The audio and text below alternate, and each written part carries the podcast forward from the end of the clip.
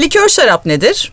Dışarıdan damıtılmış üzüm alkolü katılan yani bir nevi brandy katılan ve bu sebeple %15 ila 22 alkol arasında normal şaraba göre çok daha yüksek alkollü olan şaraplardır. İspanya'nın sherry, Portekiz'in porto ve madeira şarapları bu çeşitlere örnektir. Sherry'lerin çoğu sek, portaların ise çoğu tatlıdır.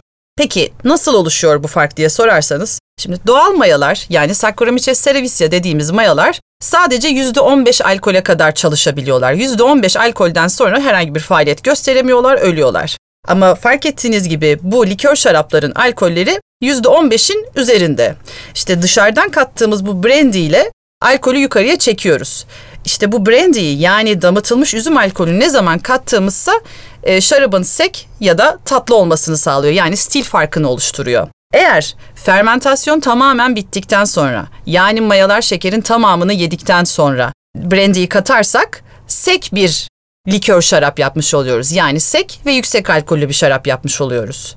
Eğer fermentasyon devam ederken mesela %6 ila 10 alkoller civarındayken bıraksak mayalar bütün şekeri yiyip bitirebilecekken biz dışarıdan brandy'yi katıp alkolü %15'lere çekersek mayalar ölür ve içeride şeker kalır. Böylece yüksek alkollü ve tatlı bir likör şarap yapmış olursunuz. Türkiye'de bu çeşit şaraplar var mı diye soruyorsanız var tabii ki de. Bizde çok fazla sherry yani sek likör şarap stili yok ama e, Madeira ve Port stili olan tatlı likör şarapları bulmak mümkün.